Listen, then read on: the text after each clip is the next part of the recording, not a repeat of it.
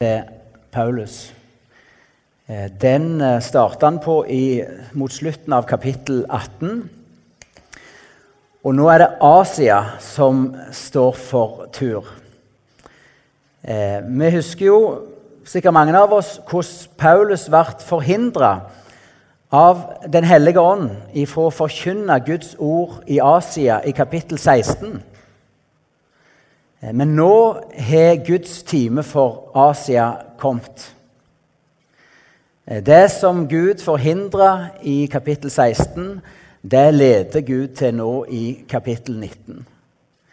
Og Det forteller oss bare gjennom kronologien i apostelgjerninga at Gud har en timing for sitt arbeid i verden. Eh, Gud hadde en timing for tjenesten til Paulus. Eh, etter Guds plan, og Gud ser det store bildet. Etter Guds plan så skulle Paulus først til Europa. Og vi fulgte han til Aten, der han står på Europagos og forkynner evangeliet der. Gud ville ha Paulus først til Europa før han nå skulle få lov til å nå Asia. Og Det som gjaldt for Paulus, det gjelder også for ditt og mitt liv. Eh, Gud har en timing i ditt og mitt liv. Ordenes rekkefølge er ikke uvesentlig når det gjelder Guds plan. Det er Når vi skal bygge et hus, er det ikke uvesentlig om du begynner med grunnmuren eller om du begynner med taket. Eller hvis du skal ha et kjemiforsøk, hvilket stoff du blander sammen først. Og Dette sier jeg ikke for å gjøre det vanskelig, men det er fordi vi skal være var for Guds timing og ledelse i vårt liv. Vi er ikke kalt til å kjøre på autopilot men vi er kalt til å la oss lede av Gud ved Den hellige ånd. Og jeg delte, når jeg forkynte over kapittel 16, så delte jeg om professor Ove Konrad Hansen, som jeg hadde på Misjonshøgskolen. Han var en lærd mann, men han hadde et sånt uttrykk som han brant for. Det var 'keep in step with the spirit'. Og Det er det vi får se gang på gang når vi leser og beveger oss gjennom apostelgjerningene. er hvordan disiplene kommer i takt med Guds vilje, Guds timing og Guds plan. Efesus var Romerrikets fjerde største by. Med en 200 000-250 000 innbyggere. Og det var gjort til Romas hovedstad i provinsen Asia. Den var bare slått av Roma, Alexandria i Egypt og Antiokia i Syria når det gjaldt størrelse. Dette var en betydelig handelsby Handelsruter langs vei inn til øst og vest møttes. Det var et knytepunkt for trafikk. Og det var også en viktig havneby på den tid. Nå har havet trukket seg tilbake, så i dag så ligger Efesus et par kilometer inn eh, på land. Og Dette var også et viktig religiøst senter. Et av verdens sju såkalte underverk, tempelet for eh, gudinne Artemis, var å finne i denne byen og hadde en stor betydning for handel, næringsliv og folkeliv. Og Kapittelet som vi skal se på i dag, det synes jeg begynner litt sånn fantastisk. Eh, for det gir oss et lite glimt av noe som vi bare kan ane. For det begynner med mens Apollos var i Korint. Mens Apollos var i Korint, så reiste Paulus til Efesus. Og På en måte så krysser de hverandre. Og Det er egentlig en fantastisk historie vi får et lite innblikk i. Eh, for Apollos får vi høre om i slutten på kapittel 18. Han var en brennende forkynner, predikant, som hadde stor innsikt i Det gamle testament, men som bare kjente til Johannesdåpen. Og Johannes kalte jo folket, israelsfolket til omvendelse. At de skulle bekjenne og sanne sine synder. Og De som tok imot kallet til omvendelse, ble døypt i Jordanelva. Og Hensikten med, med Johannes' tjeneste det var at de gjør folket klart til å ta imot Messias, åndsdøyperen, han som kom med den fulle frelse og liv. Og Denne brennende predikanten han kjente bare til starten på dette liv. Og Vi kan gjerne anta han hadde ikke del i dette liv. Men så er det en så utrolig flott historie. Og Det står om et ektepar Preskilla og Akvillas eh, de hørte på Apollos når han forkynte. Og så forsto de at det var mye som mangla i hans tro. og så tar de seg av han. Og så gir de en grundigere kjennskap til Herrens vei. De fyller ut det som mangler. Og vi kan anta at han også vært døypt i Faderens og Sønnens og Den hellige ånds navn. Det syns jeg er så nydelig at i plassen for at vi først og fremst skal være ute etter å finne feilene med hverandre, manglene, så er det utrolig mye mer verdifullt hvis vi kan ta oss av hverandre og fylle ut det som mangler. Gi, gi del i det som en ennå ikke er del i. Styrke det som er svakt. Ja, gjør disipler. Og så er det da, da kan vi nesten ane når vi starter på kapittel 19, at Apollos, etter at han har fått del i det som han mangla, så reiser han med ny kraft og frimodighet til Korint, hvor Paulus har vært i to år og lagt et grunnlag som Apollos får lov å bygge videre på. Og så reiser Paulus andre veien, tilbake til Efesus, der Apollos har virka tjent med sin manglende tro, for å fylle ut der Apollos ikke hadde kunnet fylle ut. Så bare start der gir oss et glimt av noe som jeg syns er utrolig flott. Et ektepars omsorg. En som blir sendt videre. Han blir ikke vingeklipt, men han blir utrusta og sendt videre. Og så Paulus, som reiser tilbake, sånn jeg ser det, for å bygge videre og for å rydde opp.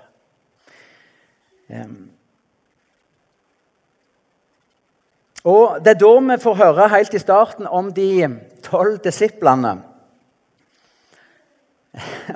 Det ble jo sagt litt på spøk at dette er det første vitnesbyrdet i Skriften om lutheranere. For det står jo at de hadde ikke engang hørt om Den hellige ånd. Nå tror jeg ikke det står så dårlig til med oss. Jeg tror vi både har hørt og vet om Den hellige ånd. Men men kanskje det ikke er det som har vært mest løfta fram i forkynnelsen. Eh, og Det skyldes i noen sammenhenger at vi er redde for at hvis en forkynner frimodig om Den hellige ånds liv og gjerning, så skal det på en måte ta fokus fra Jesus og hans kors og hans gjerning. Så lager en en motsetning, en konfliktsituasjon. Men sånn er det ikke i Bibelen. for der er det sånn at der Den hellige ånds gjerning blir tatt imot, der Ånden får frihet, der blir det mye Kristusliv og forkynnelse. Der blir disipler utrusta til å leve et Kristusliv. Eh, men disse tolv disiplene de kan veldig godt være at de var produkt av Apollos' en tjeneste. For det er jo sånn, Vi kan ikke gi mer enn det vi sjøl har tatt imot. Vi kan ikke føre andre lenger enn det vi sjøl er gått. Så disse kjente også bare til Johannes-dåpen. De hadde tatt imot kallet til omvendelse. De hadde bekjent sine synder. Og så hadde de ganske sikkert hørt en del historier om Jesus, om den kommende Messias og det liv og frelse som han skulle gi. Uten at de sjøl hadde fått del i denne fulle frelse og dette liv. Og Bare som en liten sånn parentes Vi forkynnere, prester, foreldre, formidlere Vi former disipler, om vi vil det eller ikke. Og vi former det ut ifra den innsikt som vi sjøl har. Og det vil si at hvis vi bare bruker halve Bibelen, så former vi halte disipler, om du vil. Hvis vi gir mangelfull opplæring, ja, så gir vi og former disipler som vil li av mangelsykdom. Eh, disse tolv disiplene de får nå del i full pakke av Paulus. For de blir døpt i Jesu navn og Det er den tradisjonelle i Faderens, Sønnens og Den hellige ånds navn. De blir døpt med den kristne dåpen, de får ta imot full frelse, og de får ta imot Den hellige ånd. Og da skjer, det, da skjer det noe med et menneske når en blir frelst og får del i livet og får del i ånden. Eh, og her I denne teksten så står det med at de begynner å tale i tunge, og de taler profetisk. Og igjen så må jeg gjerne si vi lutheranere i tradisjonell bedehussammenheng vi sier vel gjerne litt om dette som vi sier om vinunderet i Kanan, at vi vet om det, men vi liker det ikke. Eh, Kanskje ting endrer seg her òg, men, men, tradisjonelt har det gjerne vært en skepsis i mange av våre sammenhenger mot tungetale, mot profetisk tale. Men her står det svart på hvitt. Når livet kom, når frelsen kom, så var det òg et utslag det kunne og ville få.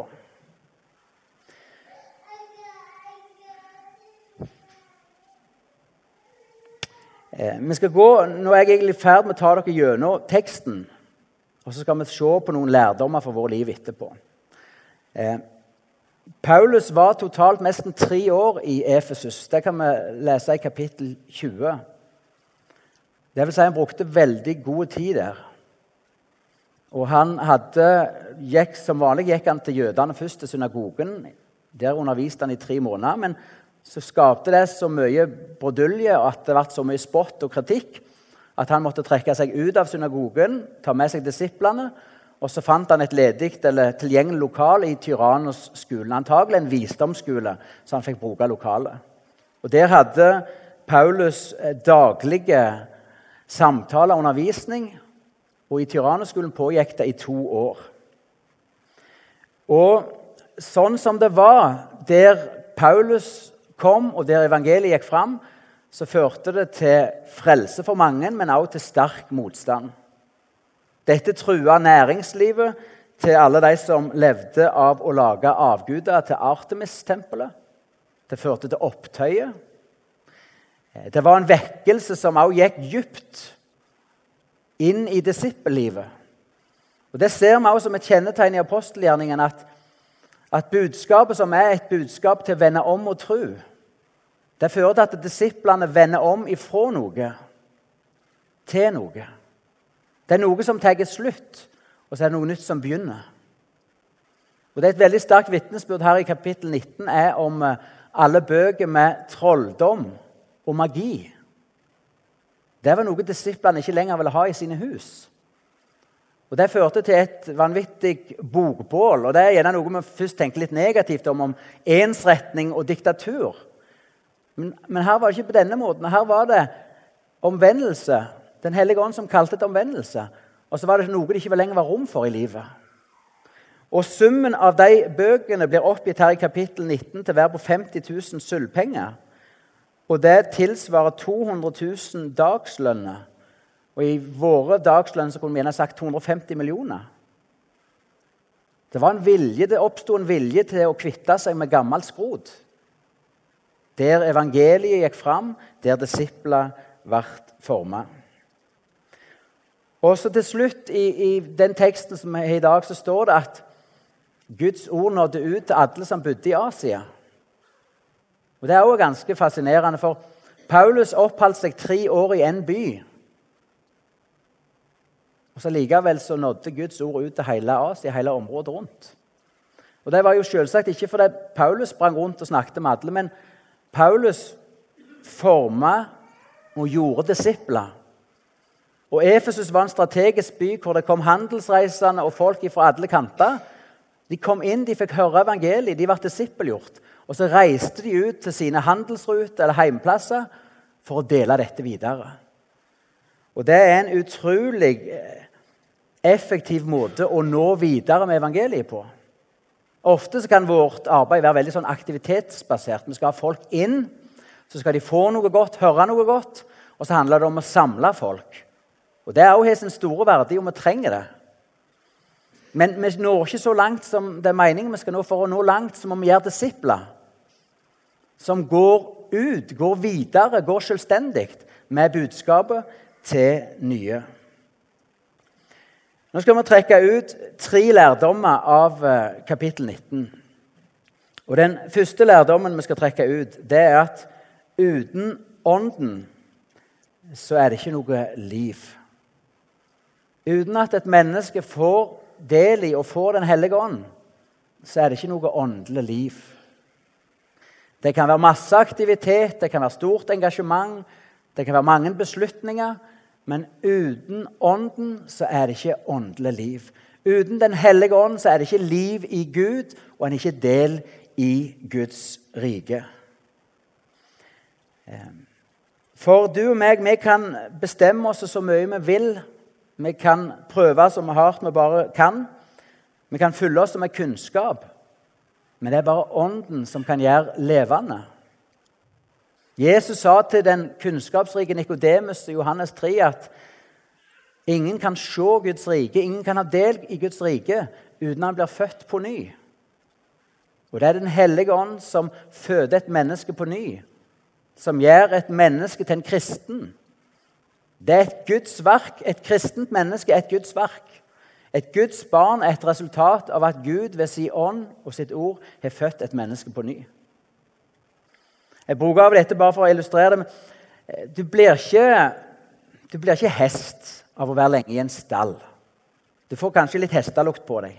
Du blir ikke bil av å være i en garasje. Og du blir heller ikke et Guds barn av å sitte lenge på en bedehusstol eller en kirkebenk. Men du blir et Guds barn ved at Gud føder deg på ny. Og Sånn som vi så på disse disiplene her i starten, og på Apollos De hadde ikke ennå fått del i dette livet. Derfor var det noe helt grunnleggende som mangla i kristenlivet. Det var den nye fødsel. Og som lutheraner så tror vi fullt og helt på frelsen i dåpen. Vi tror at Gud frelser, vasker vekk vår synd og gir oss en hellig ånd i dåpen. Men dåp skal lede til et liv i tru. Og hvis noen blir kalt og kommer til tru, så leder det til dåp hvis den ikke er døypt. Så disse tinga henger sammen.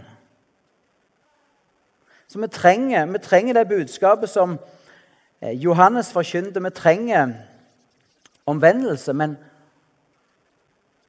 omvendelse i seg sjøl skaper ikke liv. Det er Gud som må gi dette livet. Og Jeg har lagd en liten eh, sånn formel for kraftoverføring i kristenlivet. Jeg har prøvd meg litt her som hobbyelektriker. For jeg, jeg sier at minus og pluss og jording det fører til kraft og frimodighet i tjenesten. Nå skal jeg forklare litt hva jeg mener med minus og pluss. for Litt min sånn eh, allmenne inspirasjon til dette er når jeg gjerder ute fra kyrne på beite. For at jeg skal få strømoverføring fra fjoset ut til linja på Tjelvå, så må jeg ha pluss- og minusledning. Og så må jeg jobbe ganske mye med et jordingsspyd for å få skikkelig kontakt med bakken. Men der jordinga er på plass, der en er forankra til jorda, er plussen og minus kobla på, der kan kraft overføres. Og Det samme gjelder i kristenlivet. Hva er minuspolen, om du vil, eller minusen i kristenlivet? Det er jo egentlig det store plusset. Men jeg kaller minusbudskapet som vi trenger, det er den harde sannheten om oss alle at vi er fortapte syndere. Det at du og meg vi står fortapt og hjelpeløse overfor en hellig Gud som er fastsatt en dag der han vil dømme alle mennesker med rettferdighet. Og Derfor er det sånn at ethvert menneske trenger påsken. Det er minusbudskap. Det er budskap om død. Jesus sin død. Men også din og min død i og ved Han. Og Det er jo det fantastiske budskapet som står i Bibelen, at så er det ingen fordømmelse for den som er Kristus Jesus. Det er ingen fordømmelse. For når du er blitt en kristen, så er du, du og meg vi er sett inn i noe som er mye større. Vi er plassert inn i Jesus. Vi er skjult i Han. Og Det er dette jo som er utgangspunktet for et liv som kristen, at vi har fått del i Kristus. At vi har fått del i påsken. Og Det kan vi aldri snakke nok opp, lenge, nok, lenge nok om eller bli ferdige med.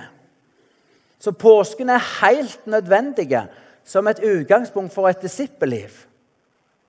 Men så trenger vi også pinsen. Vi trenger plusskrafta.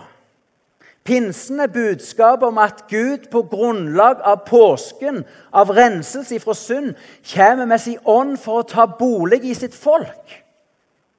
Kristus i oss. Jeg lar dere ikke bli igjen som foreldreløse barn. Jeg kommer til dere.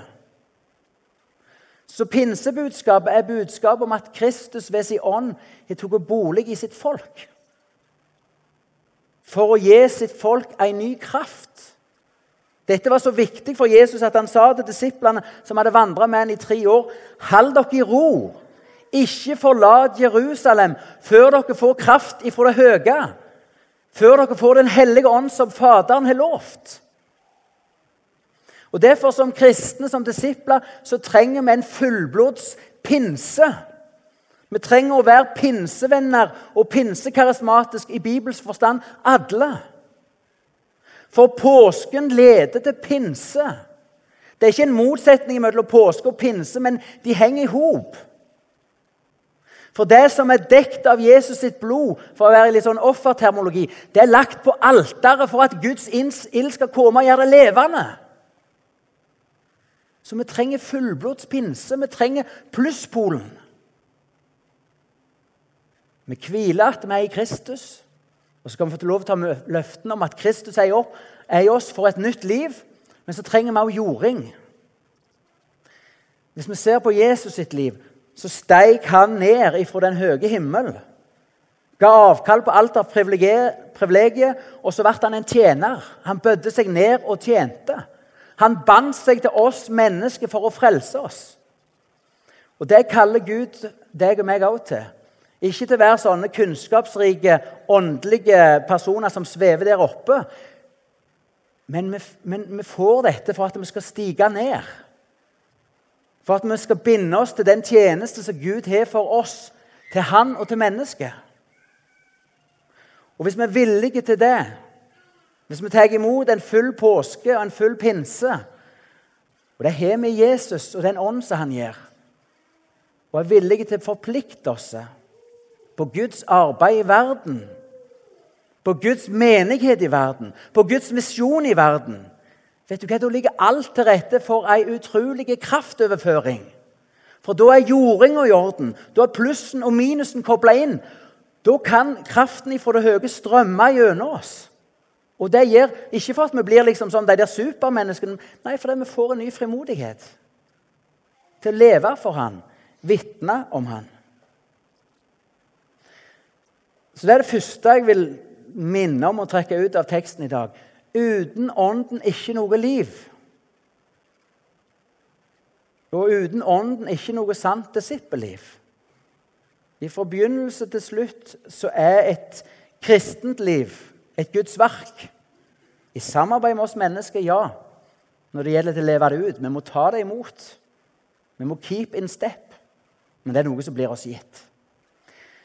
Eh, det neste jeg vil vi skal lære av denne teksten, det er at Den hellige ånd kaller til omvendelse. Det ligger jo litt i navnet. Den hellige ånd. Den hellige ånd blir beskrevet også med bilde av en brennende ild. Ild som setter i brann, men også ild som renser. Og disippellivet som møter oss i apostelgjerninga, det er kjennetegnet av omvendelse. Et før og et etter. At det blir et stort skille for det mennesket som blir en kristen. Sånn levde en før, men sånn lever jeg nå. Men så er ikke det heller en sånn engangshendelse. Det er et kjennetegn på et disippelliv. Det er det som vi gjerne kaller for den daglige omvendelse. For vi er kalt til å vende oss vekk ifra noe til noe, og over til noe annet. Akkurat som på våren, for at det grønne gresset skal vokse fram, så må det daue gresset vekk. Eller for at nye blokker skal komme på et tre, så må de gamle dette av. Sånn er det også i ditt og mitt liv at det er noe som skal dø. Det er noe vi skal vende oss vekk ifra. Og det er noe vi skal gripe enda hardere fast om. Og Bibelen sier i 2. Timoteus 2,19.: Hver den som bekjenner Herrens navn, må vende seg fra urett. I Efesus så ga det seg mange forskjellige utslag. Vi fikk også høre om et bokbål. Det var ikke rom for magi, trolldom, avgudsdyrkelse.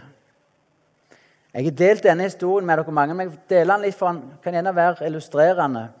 Eh, for mange år siden så skulle jeg Og jeg trenger ikke gått mange år for fortelle om en omvendelse i mitt liv, men nå deler jeg Jeg kunne sagt i dag. Men nå deler jeg den. For mange år siden Jeg var rundt 20-21 år gammel. Jeg hadde hatt et nytt møte med Jesus, blitt tilgitt, blitt sett i brann, ville leve for han. Hadde begynt å holde andakt og tale. Så skulle jeg til Elim og tale om Den hellige ånd. Hva Den hellige ånd gjør. Og Da studerte jeg på Misjonshøgskolen og tok tog. og Jeg gikk ned Meierigata på Bryne på vei mot togstasjonen. Så ba jeg Jesus nå må du gi meg en erfaring med din ånd, så det ikke bare blir teori, men det kan bli liv. Og Mens jeg går der ned mot togstasjonen, så kommer plutselig en tanke til meg. Sølve, du har sneket på toget. Og så var det sånn, Hallo, her ber jeg om Den hellige ånd. Hvorfor tenker jeg på dette? Så var det så datt i meg, Men det står jo i Bibelen at han skal minne oss om synd. Han skal vise hva synd er. Og så kom det helt klart for meg at jo, for et par år tidligere så hadde jeg gitt på folkeskole i Sagavoll. Og så hadde jeg kjøpt billetter fra Bø til Kongsberg to ganger. Og så hadde ikke konduktøren kommet og kontrollert dem, så jeg hadde gått av og vekslet inn og fått pengene.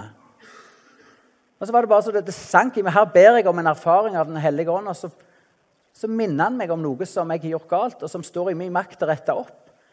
Så da går jeg inn på togstasjonen og sier jeg skal ha to billetter på strekningen Bø-Kongsberg. Ja, hva tidspunkt og dato? Nei, det er det samme, sier jeg. Jeg må bare få to billetter. Han kikker litt løye på meg og sier, 'Hva er dette?' 'Ja, vil du vite det?' 'Ja.' 'Jo, jeg har sneket to ganger på denne avstanden, og nå ønsker jeg å få gjøre opp for meg.'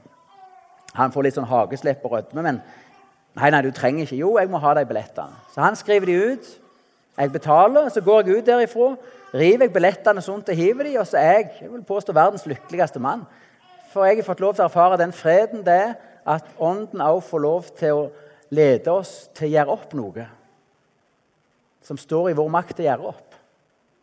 For Det er det som kjennetegner Guds ånd når vi overgir oss til Han og hans ledelse. Det er ikke en sånn generell fordømmelse av alt som er syndig, men det er disippelgjøring.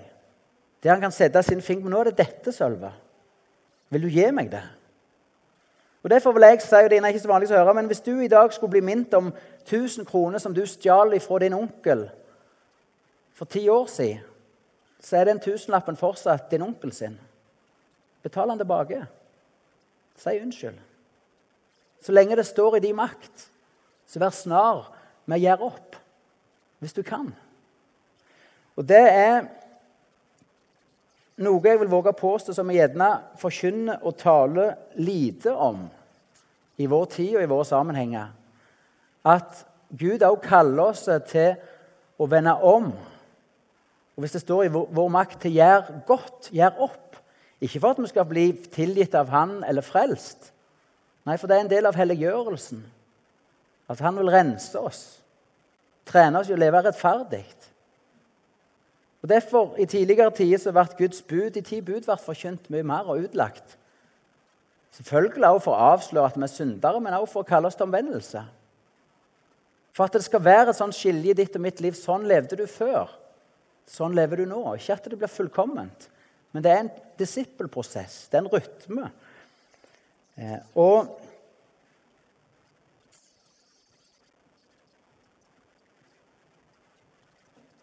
En ting som jeg tenkte på, det er I kristne sammenhenger så kan det ofte være mye Jeg vet ikke om det er spesielt for kristne sammenhenger, men det burde iallfall ikke være det. kan være mye baktalelse. Og Bibelen sier jo at tunga kan være en liten ild som kan sette en verden i brann. Akkurat som et lite ror på et stort skip kan styre det dit en vil, så kan ei tunge på ville veier få utrolige konsekvenser for en manns eller kvinnes rykte, for et liv, for et kristent fellesskap. Og I kristne sammenhenger så har vi jo sånn fromme variant av sladder. Det kan jo være liksom sånn at vi med bønnevarianten, der vi egentlig deler et bønneemne om noen andre, og så ender det opp med å bli en anledning til å komme med karakterbrister, svakheter, og så en liten beslutning ja, vi må jo be for det. Eller det kan være noe som høres ut som omsorg for et annet menneske, men så er det egentlig bare til å vise alt som er galt, og hvor skyldig en er i sin egen elendighet. Sånn burde det ikke være blant oss. Baktalelse hører ikke hjemme i en kristen sammenheng. Vi trenger å be Gud rens min munn. Rens mi tunge. Og En generell regel er har du ikke noe godt å si, så kan du la det være. Og skal vi kritisere eller hjelpe andre videre, sånn som Preskillas Kvillas gjorde med Apollos, så var det ikke for hele Korint de skulle si det, men det var til han. La oss sette inn innsatsen der han kan hjelpe. Og eh, Ikke meningen å trekke fram sånn, men jeg, men jeg tror dette er et ting som er høyt aktuelt også i fokus. Vi trenger å be Gud om å rense vår munn, vår tunge. En omvendelse av munnen vår, av talen. Eh, det er også utrolig mange synsinntrykk som møter oss i hverdagen. Det fins utrolig mange skjermer. Nå er til og med mobilen blitt en skjerm der du kan få hele verden, hvilke bilder og inntrykk du vil inn på. Det er en ressurs, men det kan også være en, en snare, i felle for mange. Og Den siste måneden så har jeg møtt tre menn eh, som To av dem har vitna om hvordan Jesus har frigjort dem fra avhengighet til pornografi. Han tredje var en annen plass som dere ikke peiling til å kunne vite, ikke i Rogaland. Jeg talte, jeg talte ikke om pornografi, men jeg talte om, om hvordan synd kan øyelegge livet for en kristen. Da fikk jeg en som ville bekjenne noe etterpå. Vi fikk en samtale. Jeg håpa at han ble løst. Og I det tilfellet så var det en iPad som var den store fristelsen. Og det vil jeg si, Hvis det er en iPad, bestemt iPad som fører deg til fall, så få den vekk ifra deg. For ei tid, jeg sier ikke for resten av livet, men sånn at du kan gjøre det lett for deg å vinne. Men så må jeg bare dele en av de som vitna om at Jesus hadde gjort ham fri. Det er et utrolig sterkt vitnesbyrd. Det kan godt være jeg inviterer han med her, for han vitner om dette offentlig. Men han sier det at 18 år av mitt liv ble ødelagt av pornoavhengighet på nett. Det holdt på å ta ifra meg alt jeg hadde kjært, sier han. Det ødela ekteskapet, det ødela kristenlivet, det tok frimodigheten. Det ble altoppslukende. Men det starta sikkert veldig forsiktig. Og Jeg sier ikke dette for å liksom trykke noen ned hvis dette gjelder deg. Men jeg sier for at det går an å få frihet ifra det. Det går an å vende seg vekk ifra det. Og Det som løste han Gud har sin vei med den enkelte, men han fikk en åpenbaring av Jesus sitt kors. Og at han hadde gjort det I plassen for at han skulle leve i skam og skjule seg, så skulle han få lov til å se opp på korset og bli rensa. Få en ny begynnelse. Og Sånn er Den hellige ånd. Han kaller oss og driver oss til Jesus sitt kors. Gjør Jesus levende for oss, for at vi skal vende oss vekk ifra urett for at vi ikke skal bli bonden av synd. Og En annen som vi kan tenke på i denne sammenheng, det er Samson. Han var gitt en utrolig styrke av Gud til å leve seirende. Eh, han ble brukt til mange gjerninger som Gud ville utføre. Men så røpte han sitt svake punkt for fienden. Fienden fikk tilgang til hans svake punkt. Og det tok ifra han all kraft. Han ble blinda, han ble fanga. Men så omvendte Samson seg. Så ba han Gud en siste gang. Og så fikk han full styrke tilbake.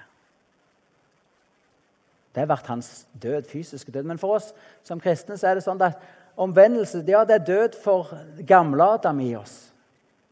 For syndenaturen. For den er jo allerede nagla til korset, og den skal ikke få lov til å prege våre liv. Men når vi vender oss til Gud, omvender oss, så må vi være villige til at det som er dødt, skal være dødt. Og så tilgir Gud, og så kommer han med ny kraft. Og Det er utrolig mange som kan vitne om hvordan frimodigheten, freden, gleden, friheten kom tilbake i kristelivet nettopp gjennom det som kan høres så tungt og trist ut omvendelse. At en bekjente sin synd. Ja, det er jeg som har synda mot deg. At en vågte å være konkret i plassen for å skjule det, sette opp fasaden. Vågte å si ja, det er meg, det er mitt liv.